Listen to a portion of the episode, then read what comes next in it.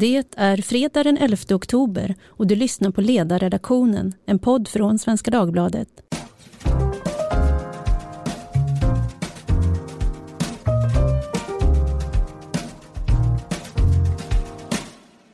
Jag heter Tove Livendal och idag ska vi prata om mobilitet och politik. Närmare bestämt om de här elsparkcyklarna som har blivit en av höstens mer omdiskuterade frågor och skapat mycket reaktioner. Men vi ska också tala om politiska subventioner. För nästa år kommer Stockholms stad att ställa ut egna elcyklar i staden. Är det rätt att satsa på den typen av infrastruktur? Eller är det onödigt när marknaden redan har visat sig fungera? Det ska vi prata om idag, bland annat med Andreas Berg, universitetslektor vid Nationalekonomiska institutionen vid Lunds universitet och även forskare hos Institutet för näringslivsforskning och kolumnist i DN. Välkommen Andreas! Tack så jättemycket! Och sen har vi också Daniel Heldén här som är trafikborgarråd för Miljöpartiet i Stockholms stad sedan 2014. Varmt välkommen! Tackar! Ja, om vi börjar då med en liten fråga för att värma upp. Är marken en subvention som de här cyklarna tar i anspråk? Eh, jag kan väl börja. Eh, det kan man väl säga, men då är det ju en subvention även till alla som går på marken eller kör barnvagn på marken eller kör bil på marken. Eh, och eh, om vi med marken menar vägarna så finns ju faktiskt vägarna till just för att vi människor ska använda dem till till exempel att cykla, köra bil på, köra barnvagnar på. Jag kan väl bara instämma. Offentliga rummet är ju till för de som förflyttar sig och då är frågan om när man pratar om subventionering och annat så kan man ju oftast relatera det till eh, behövs marken till någonting annat och det är väl just det här att den är ju tänkt för att vi ska förflytta oss på gator trottoarer och annat. Och, och, det här är ju en del av den verksamheten. Det har ju blivit väldigt mycket reaktioner och de syns ju därför att de inte har stått där tidigare och därför lägger man märke till dem på ett annat sätt jämfört med vanliga cyklar som man bara passerar förbi utan att tänka på dem.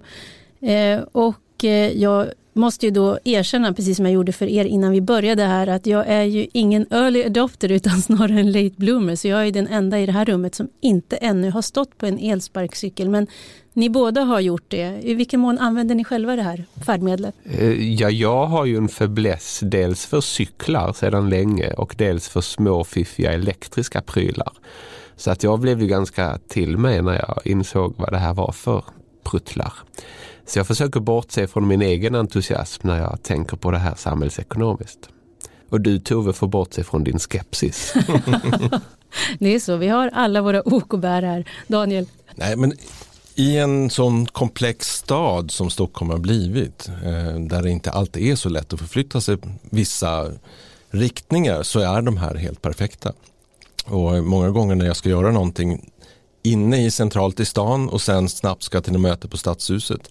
Då finns ingenting som klår de här när det gäller framkomlighet och smidighet. Det, det, så att jag ska säga de är någonting som verkligen kan hjälpa till i en, en stor komplex stad. Mm.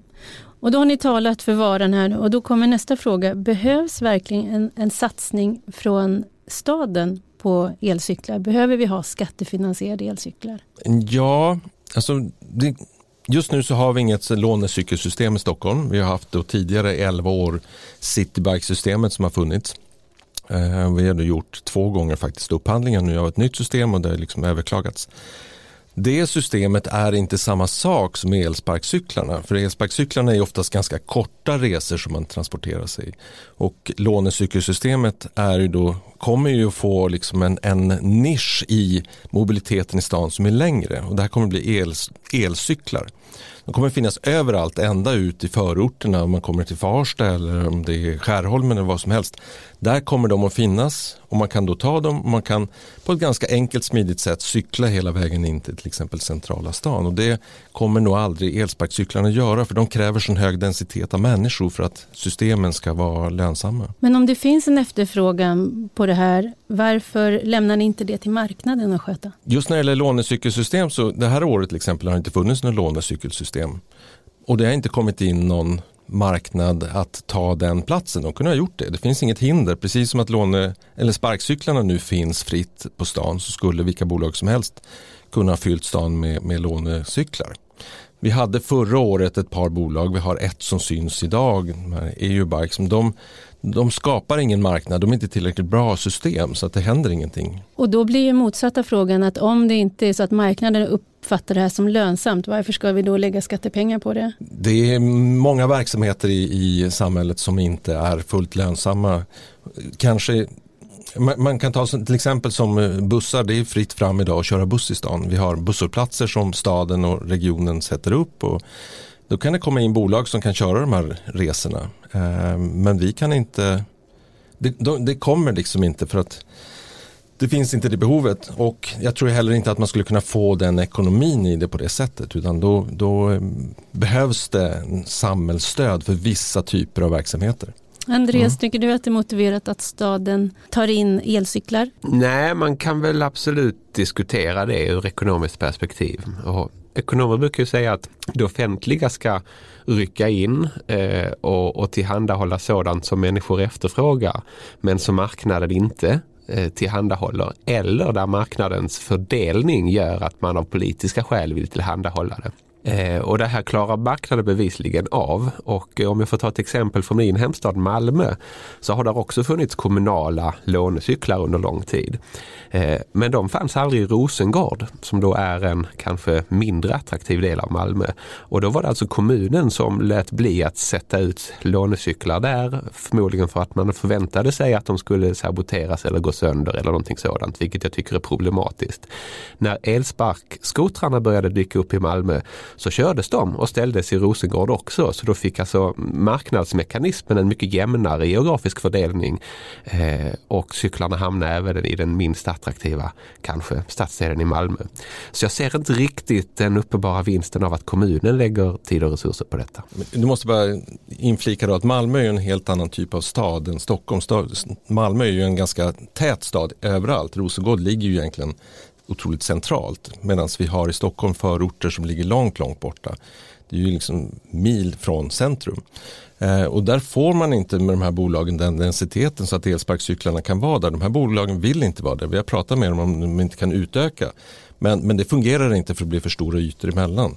Och då är våra lånecykelsystem de som kan ta och göra den här mobiliteten som faktiskt behövs i en stad som tar ansvar för miljö och klimat.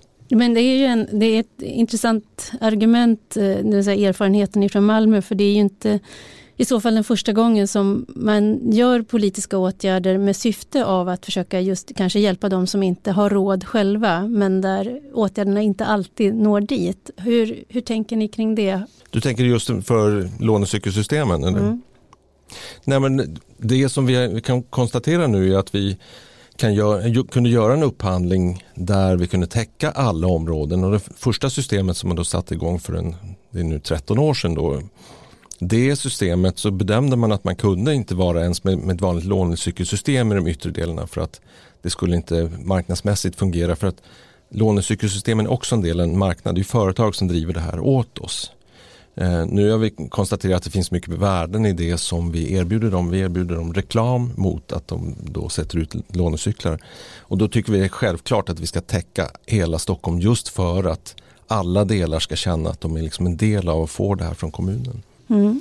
Andreas? Nej, alltså, det stämmer ju att Malmö och Stockholm är annorlunda och jag är väl inte helt emot att, att staden i den mån man har tid och resurser över satsar på cyklar. Men eh, jag föredrar nog eh, att kommunen fokuserar på det som bara kommunen kan göra. Och i det här fallet är det ju då att se till att vägar eh, är väl underhållna och att cykelvägar går på ett effektivt sätt.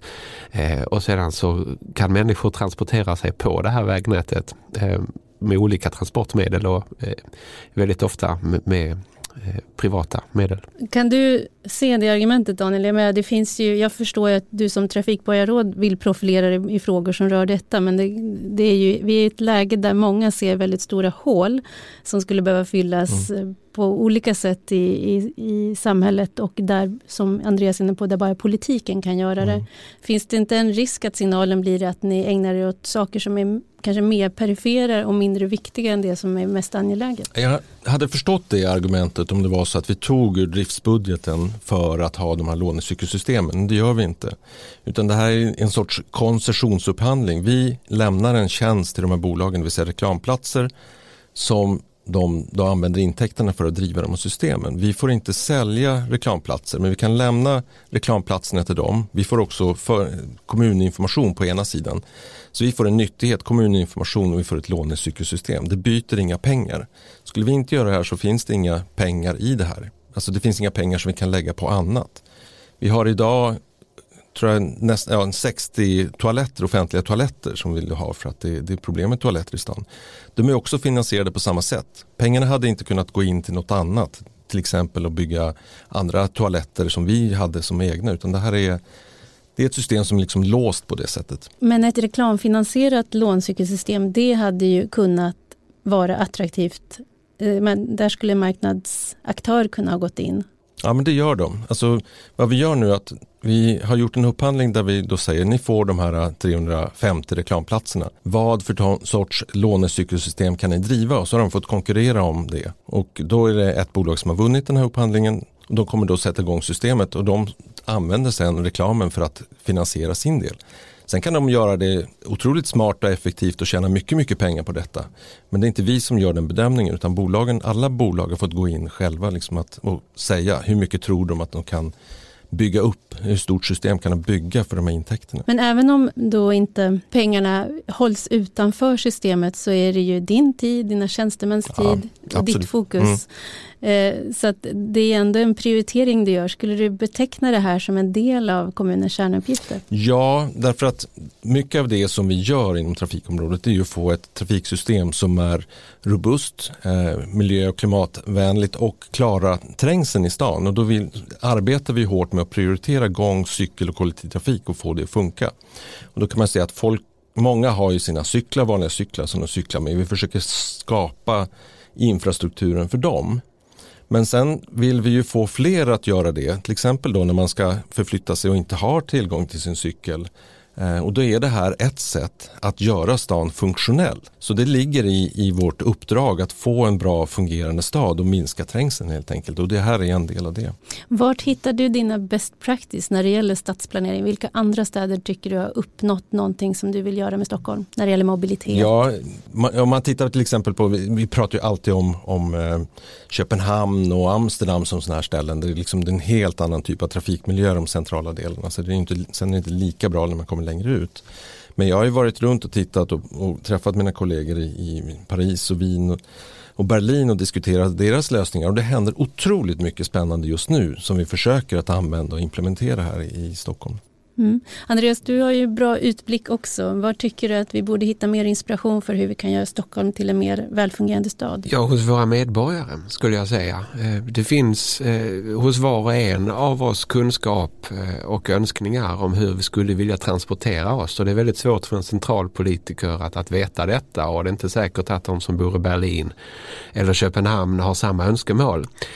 Och det den här tekniken innebär är att det finns möjlighet att samla kunskap från vårt beteende när politiker ser vilka sträckor man ofta eh, kör cyklar på, eh, hur folk vill åka, när folk vill åka och kan använda den kunskapen i stadsplaneringen, vilka cykelvägar man renoverar, var man behöver expandera till fler filer. Eh, det är en enorm kunskapsvinst om man hanterar den här tekniken på rätt sätt. Mm. Men måste fråga dig som nationalekonom, eh, om nu kommuner känner att vi måste ta hand om det här med att sköta låncyklar. Är det ett tecken på att marknaden har misslyckats? Om, folk, om det nu ändå uppfattas av staden som det finns en, ett behov av det här men marknaden inte tillgodoser det, vad är det som har gått snett? Om marknaden inte tillgodoser vilket behov. Alltså cyklar dräller det av på stan nu så att marknaden tillgodoser behovet av cyklar i alla möjliga färger och former och varianter. Eh, och eh, så gör ju marknaden eh, och när någonting är gratis eh, så tar marknaden hand om det. Va? Och i värsta fall så skapas det då trängsel för att, just för att det är gratis. Eh, och det är där det offentligas roll kommer in, att prissätta så att det eh, utnyttjas men inte blir trängsel. Eh, och det är därför som man har diskuterat biltullar till exempel.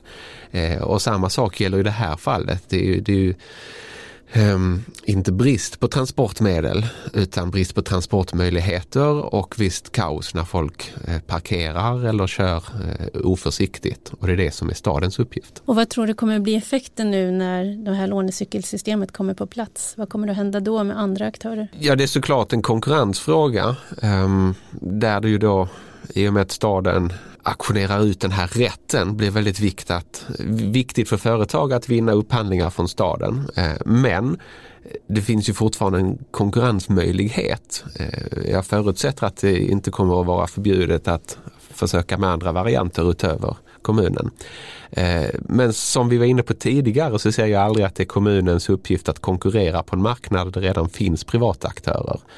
Eh, det är inte där kommunen har sin relativa styrka. Jag, jag måste då tillägga, för vi, vi, gjorde ju en upphandling av lånecykelsystemet. Den blev överklagad, eh, upphävd på grund av att avtalstiden var för lång. EU hade ändrat sina regler under tiden vi höll på med det där. Då under den tiden så kom det ju in ett antal sådana här friflytande vanliga cykelsystem. Och vi tittade på det och försökte liksom följa det. För det är ju möjligt att skulle de var så framgångsrika att vi inte behövde vårt lånecykelsystem fanns det ingen anledning att upphandla det. Då kunde vi hitta på något annat att använda den här nyttigheten till eller ekonomin i, i reklamen. Men bolagen dog ju, trots att det inte fanns liksom något vettigt lånecykelsystem så dog de här bolagen. Hade det funnits kvar då hade vi kanske bedömt det på ett annat sätt. Och när vi satte igång upphandlingen då hade också elsparkcyklarna precis dykt upp. Så De fanns inte heller. Så vi, det var liksom vi befann oss i någon form av tidsvakuum. Hade vi suttit idag kanske vi hade resonerat annorlunda. Mm, det du säger, jag hör precis vad du säger men det är också lite grann ett skäl för en kommun att skynda långsamt. För vi är inne i en fas just nu där tekniken utvecklas väldigt snabbt och det är svårt att veta eh, vad staden ska beställa och satsa på eh, när saker och ting händer så oerhört snabbt. Men det är bland annat därför som eh, när, när elsparkcyklarna dök upp då fanns det ju många som gick ut och sa nu ska vi förbjuda dem. Och kommunen måste liksom ta krafttag och så vidare. Jag sa låt oss vänta och se hur det här fungerar. Det verkar ju vara ett system som faktiskt kan fungera och ge eh, mobilitetseffekter. Så där har vi verkligen sett till att det här får rulla på. Många andra har ju sagt att bara ta bort dem, ta bort dem.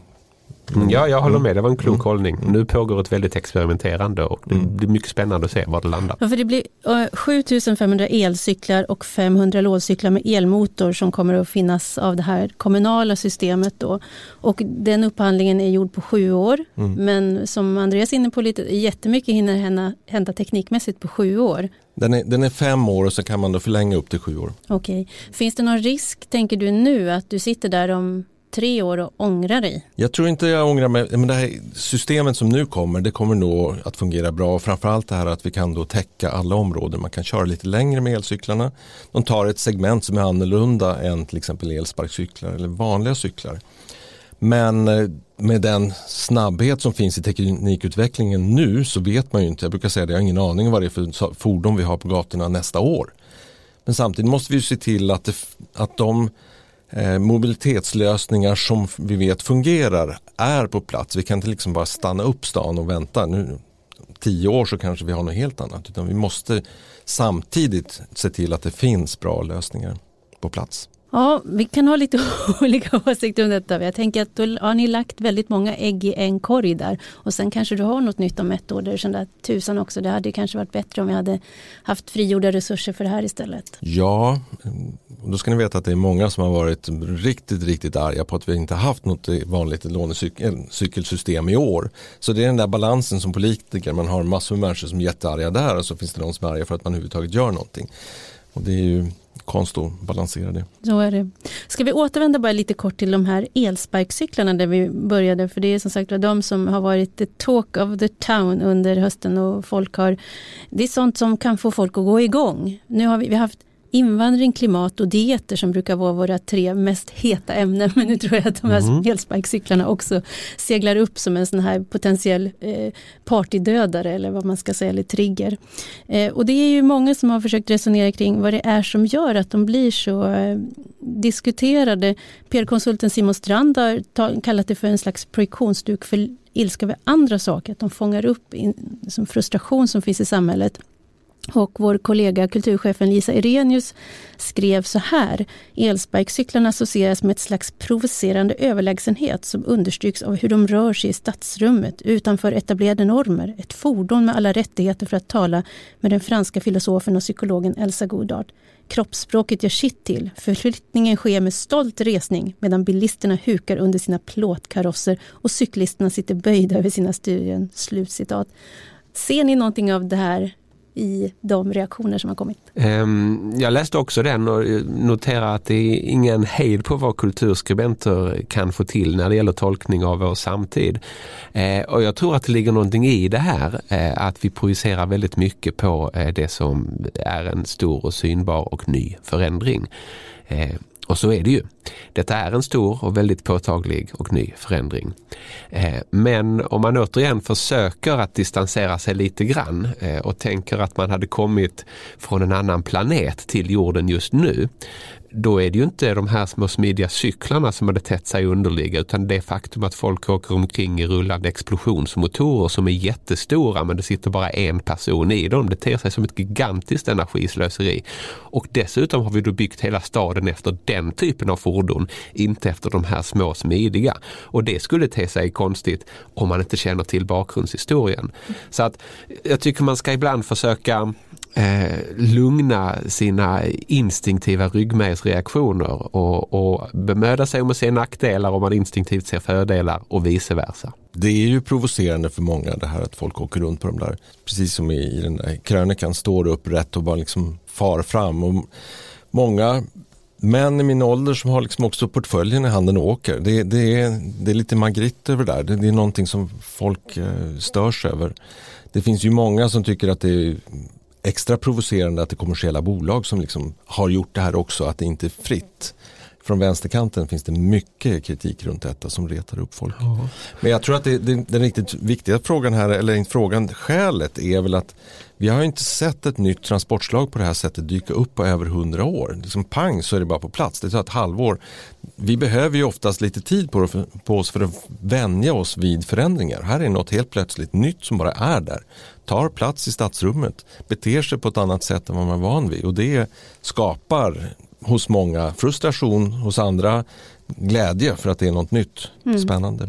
Och det kan man ju se det som du är inne på här, att det blir lite orimliga reaktioner på att det också sker olyckor med de här, precis som med alla andra färdmedel. Men när man tittar på statistiken så är cyklarna leder ju fortfarande, de är ju många fler, så är det, men, men eh, elsparkcykelolyckorna verkar inte vara galopperande i jämförelse med de olyckor som sker på vanliga cyklar. Eh, så det, det, det kanske blir, Paris där har det ju varit mycket diskussioner och varit heta gräl och då när det skedde en dödsolycka så blev det på något sätt beviset som att det här är farligt. Så är det och samma sak hände ju med de självkörande bilarna när den första dödsolyckan i USA där inträffade.